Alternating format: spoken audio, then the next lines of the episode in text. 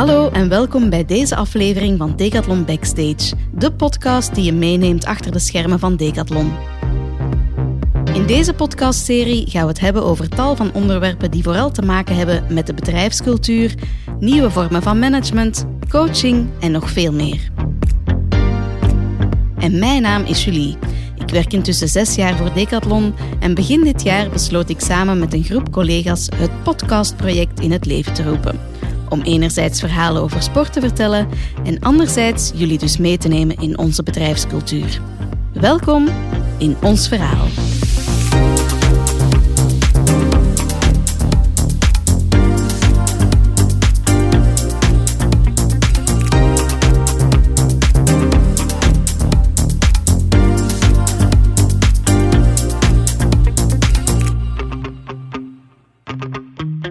Vandaag heb ik Mathieu Renier bij mij te gast. Mathieu is 34, werkt sinds 2009 voor Decathlon en is een voetballer in hart en nieren. Al lukt dat de laatste tijd minder door blessures. En daarnaast doet hij ook aan crossfit, lopen en skiën.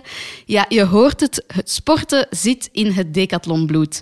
Zijn rollen binnen het bedrijf focussen zich op zowel humane coaching, op retail als op strategische innovatie. Een box-to-box speler die ook outside the box-to-box denkt. Hallo Mathieu, welkom. Dag Julie, hallo. Blij je in de podcast te hebben. Ja, met veel plezier. Eh, ik ben blij hier te mogen zijn. Heb ik het zo'n beetje juist omschreven in de intro? Uh, laat ons zeggen dat ik tracht uh, te voetballen, maar dat ik eigenlijk toch al zeven jaar ben moeten stoppen. Uh, dat is de laatste keer dat ik mijn kruisbanden heb, heb gescheurd. Dus ik ben moeten overstappen um, naar duursporten. Dus eerst triathlon, dat heb ik dan ook kort gedaan. Uh, was misschien net iets te... Um, iets dus, te intensief. Ja, laat ons zeggen, uh, pas op. Uh, ik zou liegen als ik zeg dat ik de beste was. Dus, um, maar goed, ik deed, ik, ik deed ze toch... ik beëindigde ze toch. Ja. Um, het is de allereerste aflevering van onze podcast en vandaag gaan we het hebben over de transformatie van ons bedrijf. Um, ja, we gaan beginnen bij het begin. waarom moet of moest Decathlon transformeren? Wel, dat is een zeer goede vraag. En laat me misschien beginnen met te zeggen dat, dat, um, dat ik het leuk vind dat er een aantal mensen zullen komen uh, naar deze podcast en iedereen zijn of haar verhaal mag vertellen. Um, en het mijne is daarom niet, niet, niet belangrijk of meer de waarheid als een ander. Um, maar mijn aanvoelen uh, gaf eigenlijk aan, we, we, moesten helemaal niet veranderen. Hè. Uh, we konden evengoed blijven doen wat we vandaag al doen. Mm -hmm. Maar de vraag was dan, um, zouden we daarmee uh, het bedrijf 100 jaar kunnen laten worden? Um, dat was eigenlijk de insteek. Um, en naar, en hoe oud is het bedrijf nu juist? Het bedrijf is net 45 jaar geworden. Okay. Dus in 76 zijn wij opgericht. Dus uh, eigenlijk zijn wij nog een, een, een, kleine... Wij zijn geen start-up meer, maar ik noem onszelf nog altijd een scale-up. Dus uh, als je kijkt naar andere bedrijven in, in België of in de wereld, die hebben iets meer jaren op de teller. Mm -hmm. Dus wij zijn nog steeds een zeer jong uh, en, en gelukkig ook dynamisch bedrijf. Um, maar goed, laat ons dan misschien de vraag nog ter harte nemen. waarom moesten wij veranderen? Um, wel, ik denk dat ons bedrijf, um, we waren anno 2013, 14. En uh, laat ons vooral de pluimen niet op mijn hoed steken, dat hebben andere mensen in mijn plaats gedaan. Uh, maar ons bedrijf was, uh, laat ons zeggen, heel um, ja, gesloten, log en traag geworden. als je dat kan, dat moeten we gewoon durven benoemen. Ja. Um, en er zijn talrijke voorbeelden van om die, om die te, te enten, maar dat was wel mijn aanvoelen. Ja, gesloten, log en traag, dat waren wij. En als wij in de wereld van vandaag uh, moeten kijken of wilden, wilden leren bestaan of 100 jaar wilden worden, ja, dan denk ik dat we moesten antwoorden op die verandering in de markt, uh, ook in de wereld. Wat gebeurt er eigenlijk? Uh, wel, dan zien we dat er veranderingen op til zijn naar een meer open houding. Mensen die dat durven transparant zijn. Dat is gelinkt met authenticiteit, maar daar komen mijn andere collega's wel op terug in een andere podcast, denk ik. Podcast. Um, maar het is ook een, um, een zicht op een, op een logostructuur. Daardoor moesten we ook agieler worden. Het is een woord dat eigenlijk heel sexy is. Hè. Heel, dat wordt heel vaak genoemd. Uh, maar ik ben, het is ook een Frans woord. Het is ook een Frans woord, ja, wendbaar, dat we eigenlijk zo moeten noemen. Ja. Um, en dat is gewoon, ja, dat is gewoon juist. we moesten wendbaarder worden om uh, die verandering in de markt te zien aankomen en daar ook op in te springen. Ik zie het als een, een vloot, en ik zal daar straks nog op terugkomen. Um, wij zijn geëvolueerd van een, een grote tanker, uh, zijn wij aan het evolueren naar een, uh, ja, naar een vloot van, van 3000 kleine, kleine schipjes, um, die dat uh, snel op, op ja, laten we zeggen, kleine golven of, of snelle ritmeveranderingen kunnen mee opspringen. Maar daar kom ik straks nog wel even op, op terug. En als ik dan afsluit met, ja, uh, wij zijn ook, we waren traag. Uh, mm -hmm. Zeer traag. En heb je daar een voorbeeld van? Want je zegt, we waren log. Uh... Wel, um, als je moet een beslissing nemen op winkelniveau ja. en je wilt jouw gamma aanpassen in de ja. winkel, um, ja, dan moet je daar, moest je daar. Um, toch... En gamma, dat is... Ja, een productgamma. Dus laat ja. mij, ja, inderdaad, het is een productgamma. Um, je wou de schoenen, je wou een, een voetbalschoen bijbestellen. Of je wou een voetbalschoen. Ja, die heel concreet. Je wou een voetbalschoen. Je wou een voetbalschoen bijbestellen. Een Copa Mondial, ik noem het zomaar iets. Die, die eigenlijk een, niet in jouw gamma zat. Die eigenlijk niet in jouw gamma zat. Je bent in een kleinere winkel bijvoorbeeld mm -hmm. en je moet die gaan kiezen. Uh, ja, dan moest jij... Um, een x aantal hiërarchische lagen doorlopen om te mogen vragen of die Copa Mondial toch wel zeker in jouw winkel mocht zijn. Um, nu, jij kent de markt persoonlijk veel beter ter plaatse. Um, en dat werd dan ja, besproken op hoger niveau, dat werd dan nog eens besproken op Frans niveau, dan kwam dat bij het merk en dan daalde dat terug af naar het uh, hiërarchisch niveau in België, dan kwam het bij jouw commerciële directeur en uiteindelijk bij jouw winkeldirecteur, die uiteindelijk ging beslissen of jij mocht die Copa Mondial uh, in jouw winkel plaatsen. En dan is het volgende voetbalseizoen Ja, dan ben, dan ben je drie jaar verder en dan is die Copa Mondial misschien iets, en dat is wel een heel mooi product trouwens, ik heb niks tegen Copa Mondial, integendeel. Um, maar het is, dat is een voorbeeld om te ja. kunnen zeggen hoe lang dat duurde. En eigenlijk ja, er werd niet geantwoord op de markt. Het is een zeer simplistisch voorbeeld, maar het geeft aan hoe traag een bedrijf vandaag niet meer mag zijn. Um, de wereld verandert continu. De, de, de wens van de klant van vandaag die is morgen wederom veranderd. Dat zien wij in de sportmarkt. We moeten dat niet overdrijven, we moeten dat zeker niet minimaliseren. Dus wij zijn een bedrijf dat tracht vandaag oplossingen te zoeken op, om dat sneller te doen. En daardoor uh, ja, uh, wij die, die, die winbaarheid, en we noemen het de subsidiariteit, waar ook andere collega's zullen over praten binnenkort. We trachten eigenlijk de beslissingen te nemen zo kort mogelijk bij onze klant, um, die dat vandaag minder hiërarchische, dus minder hiërarchische structuren. Um, en daardoor trachten wij, en dit zijn slechts enkele voorbeelden, om van een zeer gesloten, logge, trage structuur over te gaan naar een open, agile en veelal snelle structuur om te blijven overleven.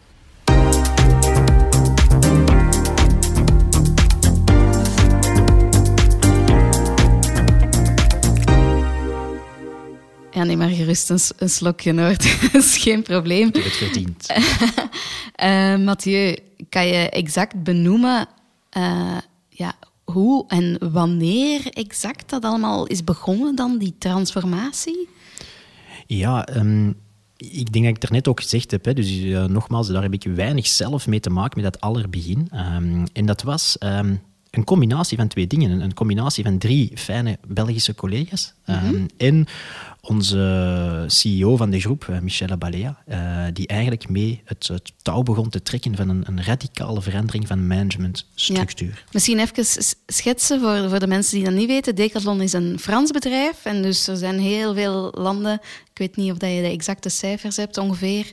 Ja, er komen dagdagelijks landen bij, dus het kan zijn, pin mij niet op een tweetal. Maar uh, wij zijn vandaag in uh, 57 landen ja. um, en we zijn met een ongeveer een klein 110.000 in de wereld. Uh, Decathlon Groep. In België zitten we rond de 2600 medewerkers uh, en wij ondertussen meer dan 35 winkelplaatsen. Alright. En dus je sprak die um, um, Balea, dat was uh, een beetje de initiatiefnemer van heel de transformatie samen met een andere groep mensen. Klopt, ja. Michel was, um, was uh, een zeer fijne man trouwens. Is iemand die dat ook uh, de CEO was geweest in India. En natuurlijk een paar ja, zienswijzen mee heeft gekregen vanuit die cultuur natuurlijk. Uh, zag wat dat daar ook werkt en zou ook kunnen meegetrokken worden en zag ook de snelle agiliteit in, uh, in, hun, in, hun, manier van werken. En geloofde oprecht, uh, en gelooft nog steeds oprecht, in die snelle en winbare organisatie waarin er minder hiërarchieën zich voltrekken. Dus hij was sowieso iemand die dat dit wilde doorpushen. Maar eigenlijk daarvoor al was um, uh, Frederik de Klerk, Romuald Sanen en Bart Ongenaat, nog een aantal heel fijne collega's, um, waren die eigenlijk die stap al aan het zetten. onder leiding van, ja, um, we hebben Frederik Laloux gekend, Frederik Laloux die ik ook apprecieer, waar ik ook soms niet mee akkoord ben. Hè. Een aantal zaken die ik zeer uh, oké vind en ook zaken die ik denk na zes jaar transformatie bij Decathlon, oké, nee, daar ben je volledig mis. En dat mag ook, want ja, wie heeft de volledige waarheid? Maar het is dus zo dat die drie jongens in, um, in België het voortouw hebben genomen om een aantal mensen mee te nemen, gewacht te maken van die, van die verandering. Um, en dat dat niet altijd even makkelijk was, dat, kan ik u subiet zeker ook vertellen. Maar uh, voilà, de grote uh, omslag ligt wel degelijk bij deze vier eh, personen. Ja.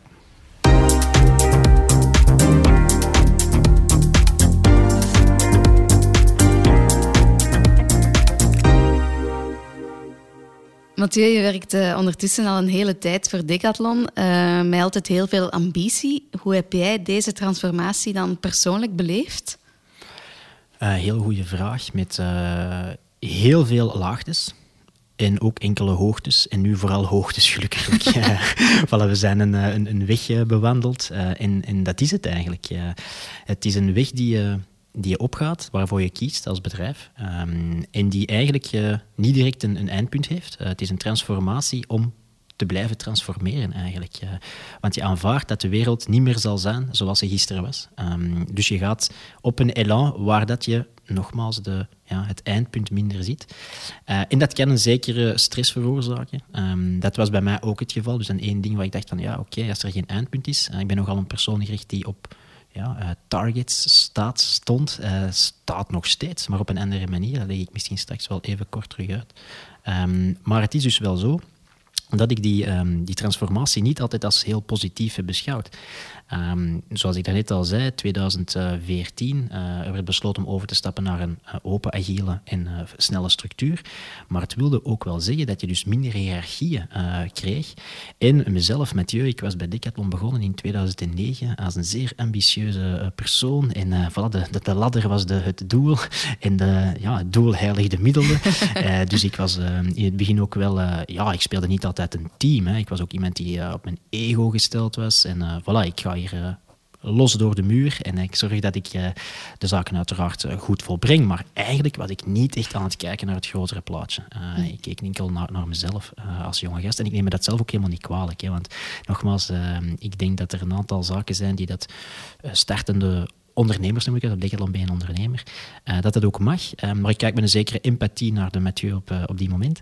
Um, maar goed, um, je, je groeit dan in een aantal lagen. je wordt winkeldirecteur, je mag naar Frankrijk gaan. Uh, dus je bent eigenlijk op, de, op de goede weg, zoals ze dat noemen. hiërarchische weg, want wat is de goede weg nu? Ja. en ook in jouw omgeving word je daarvoor, wauw Mathieu, kijk eens aan. Wauw, die Mathieu die, die maakt sprongen in Decathlon. Ik ben veruit niet de enige, hè. er zijn veel andere mensen die sprongen maken bij Decathlon. Um, of daarvoor kiezen althans, want het is een keuze. En dat, niet doen is, is even oké. Um, en ja, laat ons zeggen dat um, in 2014, met die hiërarchische lagen die laat ons zeggen, eruit werden gehaald. Want zo was het. Hè. Er werden een aantal hiërarchische lagen, die werden minder nodig. Logisch, want je begon eigenlijk de de basis van de transformatie, waarop, uh, waarop straks nog misschien kort wil terugkomen, is confiance a priori. Dus dat is mhm. een vertrouwen dat je krijgt van in het begin eigenlijk. Je moest eigenlijk niet meer um, je dingen gaan bewijzen vooraleer je vertrouwen kreeg van de, van de boîte van Decathlon. Dus wat gebeurde dan eigenlijk? Van kijk, je moest niet meer tonen dat je het kon. Je kon het eigenlijk gewoon. Dus er was minder controle nodig. Dus minder hiërarchieën. En ja, hiërarchie. Ik was dan uiteindelijk uh, ja, mede, uh, ik was commercieel directeur in, in België. En eigenlijk was die functie eigenlijk niet meer nodig. Uh, want iedereen werd, ja, we probeerden iedereen te vertrouwen. En ja, waarom moest er nog eens een trechter zijn als commerciële, commerciële man? Um, dus, dus jouw functie verdween? Mijn functie verdween, klopt. En ik wist dat, maar we kregen daar de tijd voor. Er werd dan gezegd van Mathieu, maar we gaan daar de komende jaren op werken. Ik kan u vertellen, uh, ik ben gevlucht ik ben gevlucht naar Frankrijk. Ja, in Frankrijk wilden ze mij uh, met uh, open armen ontvangen. Dacht ik toen, dat ja, in België hebben ze mij niet meer nodig. Mijn ego werd uh, volledig eigenlijk onderuit gehaald. Hè. Hoe zal ik het noemen? ja, ja, als je me niet meer nodig hebt, oh, je hebt, je hebt mij niet meer nodig, dacht ik dan. Hè. Dus het was in plaats van de hiërarchie, de titel die eigenlijk niet meer nodig was. En zij zich op mij als persoon, oké, maar dan zal ik ook niet meer nodig zijn in dit bedrijf. Je voelt de, de correlatie je voelt eigenlijk hoe, hoe alles je benen raakt, alles waarvoor je gewerkt hebt, wordt eigenlijk uh, onder je, ja, je benen weggeschoven. Mhm.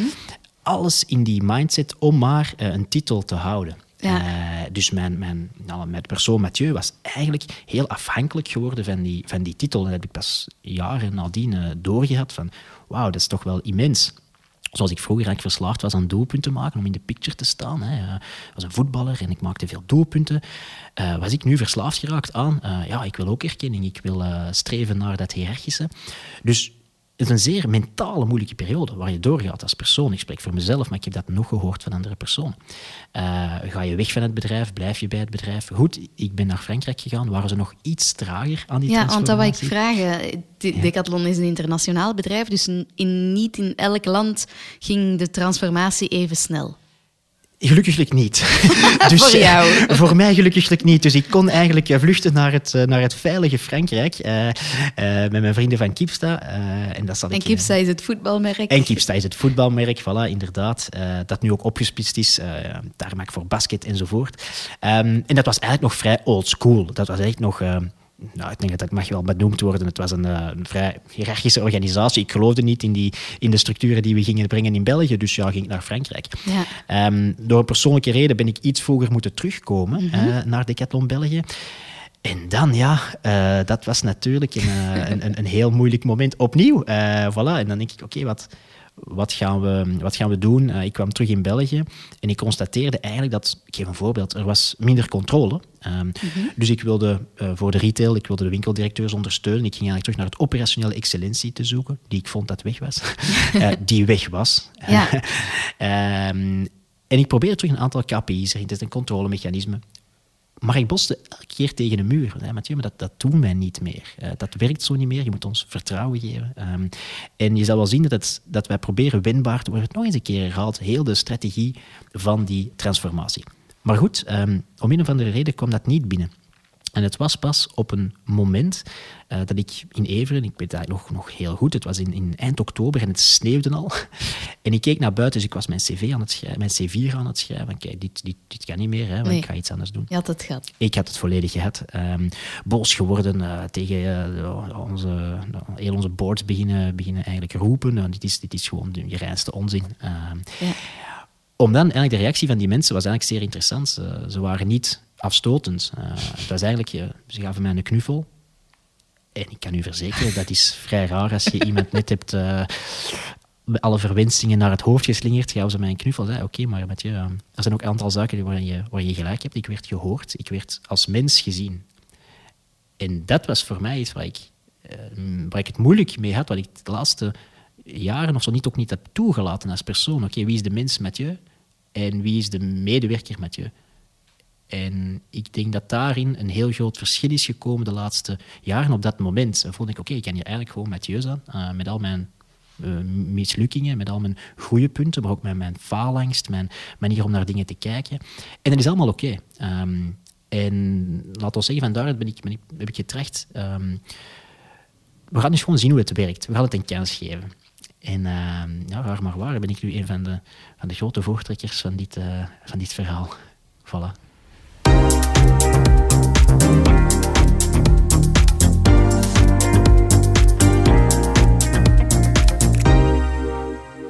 Ja, we hebben het er nog niet over gehad vandaag. En misschien ook interessant voor de luisteraars die er niet van op de hoogte zijn. Maar uh, ja, het afgelopen jaar werd er een boek geschreven uh, over uh, de transformatie, over ons transformatieverhaal bij Decathlon.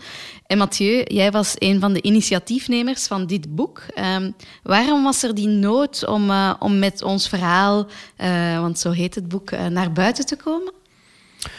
Wel, um, laat ons zeggen, een echte nood, dat, dat weet ik niet. Um, het was eerder een, uh, een zin om te beleven wat we willen zijn. Uh, met name een van onze dingen die we wensen te zijn, is open. Uh, we geloven in die openheid, in die transparantie, in de wereld van morgen. Dus eigenlijk trachten we gewoon de wereld van morgen te beleven. We, we trachten, of als mijn betrachting was, om het verhaal te delen um, en te zien ja, zonder enige verwachting terug. Oké, we, gaan, we gaan gewoon ons verhaal van Decathlon vertellen. We gaan daar de mensen informeren over wat we vandaag bij Decathlon doen. Met alle positieve zaken, ook met alle werkpunten, met alle mislukkingen. Maar we gaan dat proberen zonder enige opdringerigheid of zonder heilige graal daarnaar, um, daarnaar te handelen. En dat vooral dus nogmaals uh, uh, te beleven. En die open en transparante cultuur, die trachten wij ja, uh, door het voorbeeld mee te geven stap per stap. Hè. Dat is niet iets dat vandaag of morgen kan, uh, kan zomaar exploderen.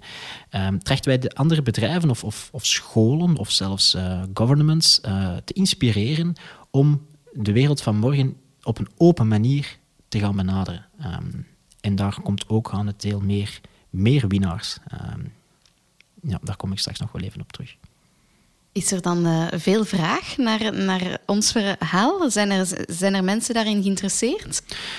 Laat ons zeggen, dat is, dat, is niet, dat, is niet, dat is niet onbescheiden. Dus, um, maar goed, we gaan dat gewoon zeggen. Uh, wij komen op vele plaatsen, of ik kom toch op redelijk wat plaatsen waar we presentaties dienen te geven of waar gevraagd wordt, uh, komen jullie het verhaal van, uh, van Decathlon vertellen. Niet alleen ikzelf, nog andere collega's. Erik gaat hier denk ik ook een podcast doen. Of is ja, het, ja. ja. Die zal er ook over kunnen vertellen. Nathan, Bart deed dat vroeger ook al. Romy Fred doen dat ook wekelijks bijna. Dus je ziet dat wij met, met ja, een tiental mensen bij Decathlon zijn die dat toch wekelijks gevraagd worden ergens bijna. Oké, ja. oké. Okay, okay. En dus dachten jullie een boek, uh, dat is een makkelijke manier, dan kunnen mensen het lezen? Ja, het is eigenlijk zo dat um, na die presentatie die we vaak dan gaven, um, mm -hmm. dan vertrok ik eigenlijk met een zeer um, leeg gevoel. je geeft dan een presentatie aan externe bedrijven en je hebt dan in de picture kunnen staan, je vindt dat leuk, je kan iets vertellen, je bent fier op ons bedrijf. De mensen adresseren jouw, uh, jouw verhaal, maar de eerste vraag die ze stelden na die presentatie was heel vaak: in wat nu? Um, heel tof verhaal, hoe kunnen we daarmee starten? Um, in de zin van hoe kunnen we daarbij mee starten in ons bedrijf? In ons dus bedrijf. Mensen hebben zin om ook een transformatie uh, door te gaan. Laat ons zeggen, niet allemaal. Hè. Je kan, ja. ik, ik kom ook bij banken, waar het eerste, als je dan begint te vertellen over, uh, over de transformatie of over wat ons loonbeleid, ja. dat is een ander topic waar iemand anders over zal spreken, ja, dan krijg je al gauw een reactie. Uh, manneke, dat gaan wij nooit bij ons doen. uh, en dat is ook oké. Okay. Ja. Um, maar de overgrote meerderheid is, uh, ja, is zeer geïnteresseerd. En, en, we hebben er toch al x aantal bedrijven die mee zijn gestapt in, in dat transfer, transformerende verhaal.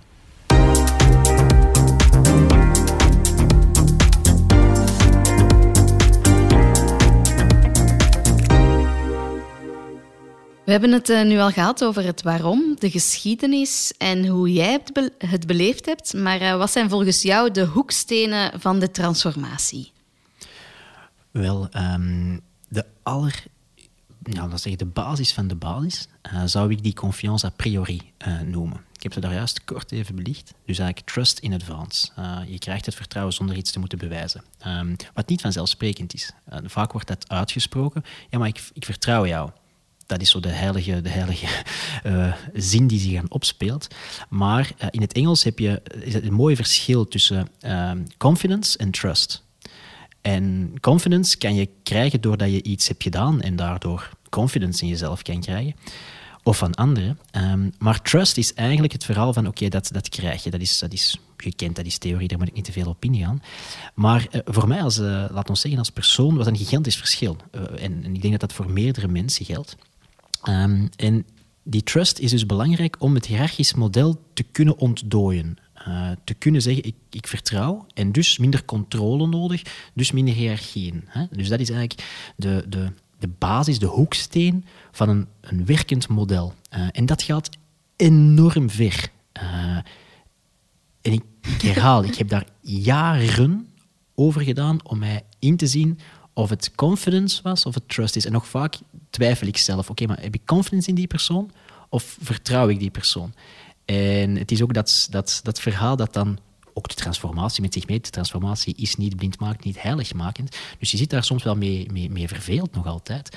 Maar het werkt beter en beter. Als je echt die hoeksteen houdt van ik vertrouw mensen, dan gaat er een wereld voor je open die dat net open en agiel kan zijn en snel. Er is één ding, confiance a priori. Uh, daar kan je een hele mooie keynote van maken trouwens. Dat is, dat is, dat is eigenlijk één keynote op zich. Confiance a priori, talrijke voorbeelden ook in de geschiedenis waar het werkte en waar het niet werkte. Um, maar dus in de, ja, in de huidige retailwereld of in de huidige bedrijfswereld denk ik dat dat een essentiële hoeksteen vormt voor de toekomst. Maar een tweede ding is... Um, voor mij het, het suppleance gedeelte dat daar is bijgekomen. Wat is dat eigenlijk? Ik ken het woord zelfs niet in het, in het Nederlands. Ik vind het soms moeilijk. Wat is dat eigenlijk? Maar het is eigenlijk jezelf kunnen overtuigen van het feit dat jij niet de geschikte persoon bent. Dus het is eigenlijk een autospiegel die gevraagd wordt om eigenlijk afstand te nemen van eventueel je huidige métier, jouw huidige rol. Als je iemand in het bedrijf of iemand in jouw omgeving, ecosysteem, ziet die het beter zou kunnen dan jij. En dat is een gamechanger eigenlijk, want je gaat eigenlijk, uh, zijn, en zijn voorbeelden, ik, ik spreek nu voor mezelf. Um, we hadden uh, tweetal, tweeënhalf jaar geleden Of nee, twee jaar geleden. Ehm, goed, het, het retailgedeelte op zich, ik was daar wat uitgegroeid. Ik was van, oké, wat, wat wil ik hier eigenlijk echt nog doen? Wat is de toegevoegde waarde van Mathieu? En ik, ik had wel het, het eh, de casquette van, oké Mathieu, jij bent uh, leader van de business. Uh, jij moet de business mee helpen draaien. Um, oké, fantastisch, want we spreken over leader, we spreken over geen managersfeer. Um, oké, fijn, maar ik voelde het niet meer. Ik dacht, oké, dit is, ik voelde de passie niet meer om, om, om dat te her te gaan beginnen. Dus dat was ook niet zo gemakkelijk, want ja, dat was wel een mooie, een mooie titel opnieuw. Hè. Ah, ik was leader van de business. Uh, ja, oké, okay, daar moeten we toch iets mee doen. Uh, commercieel en fijn en ego. Maar goed, uh, terug afstappen, petje af. Maar ik voelde de passie minder en minder. Um, goed, dan heb ik aan onze collega Karel uh, lang mee gesproken. Zeg, hoe zie jij dat? Uh, die had heel veel zin om dat te doen, kwam terug van Frankrijk. Ik denk dat we wat gelijkenissen hadden uh, toen we terugkwamen. Karel, excuseer, maar ik denk dat het de waarheid is. en dat mag. Um, en zo dus, Karel is vandaag echt de juiste man op de juiste plaats om dat goed te doen. Um, maar dat heeft wel, nogmaals, dat heeft wat tijd gekost om dat, die, die rol weg te geven. zoals ik het eigenlijk zag. Ja. Maar dat gebeurt dus wel. Hè. Wij geven dus suppleants. We trachten dus rollen door te geven. Als je daar op een bepaald moment denkt, ja, die persoon is echt beter dan mezelf, dat is de juiste persoon op de juiste plaats. Beter is nog niet, misschien niet het juiste woord, maar meer op zijn plaats vandaag in zijn geheel. En als je dat kan, op eender welk ecosysteem, in elk ecosysteem, dan kan je de mensen ook op de juiste plaats zetten, te beginnen bij jezelf. En ik denk dat ik vandaag meer toegevoegde waarde heb door ons verhaal te vertellen, door uh, te zijn wie ik ben ja. en door vooral uh, innovatief uh, het bedrijf te laten, te laten uitspelen. -huh. Je hebt het um, daar juist ook even gehad over targets. Um, is dat dan nog makkelijk als, als iedereen gaat beslissen uh, wat dat ze willen doen of beter zouden zijn om dan nog bepaalde doelstellingen te kunnen behalen? Of... Dat, dat, um, dat is een zeer goede vraag. En um, dat is wel meer teruggekomen hoor. We mogen het ook niet uh, heiliger maken dan het is. Dus het controlemechanisme dat, dat volledig of toch zo goed als weg was. Daar is in de laatste jaren terug een aantal KPI's terug bijgekomen. Daar zijn zeker ook uh, ja, terug wat ja, lookback momenten. Zijn dat dan miroirs, uh, spiegels? Zijn Mhm. dat dan controlemechanismen? Um, je kan het noemen wat je wil, maar ik heb zeker niet het gevoel dat wij vandaag terug zijn bij die, bij die hiërarchie en bij dat uh, willen controleren. Maar we zijn wel volwassener geworden. We zijn eigenlijk van een kind dat zich, dat zich losrukte van de, van de hiërarchie, geëvolueerd naar een, ja, een jong volwassene. Want we zien, ik nog altijd niet als een, als een volwassene in dit verhaal. We zijn nogmaals, nogmaals een scale-up. Zeker in deze transformatie. Maar wat, wat onthouden wij hier nu echt en hoe kunnen we elke dag beter worden? En ik denk dat, dat Fred en Romu en, en, en uh, op, elk op hun, op hun domein ook nu hebben ingezien, uh, en dat doen ze trouwens ook heel goed, uh, om terug inderdaad hier en daar uh, KPI's te zetten, zowel nationaal als, als gewoon ook in de winkels. Hè. Dus iedereen op, in zijn ecosysteem. Dus laat ons zeggen dat de KPI's, ja, dat was een fout om die weg te doen. we zijn blij dat we die, dat we die terug hebben. Ehm, maar ik ben ook blij dat we die eventjes niet gehad hebben. Voilà. Dus...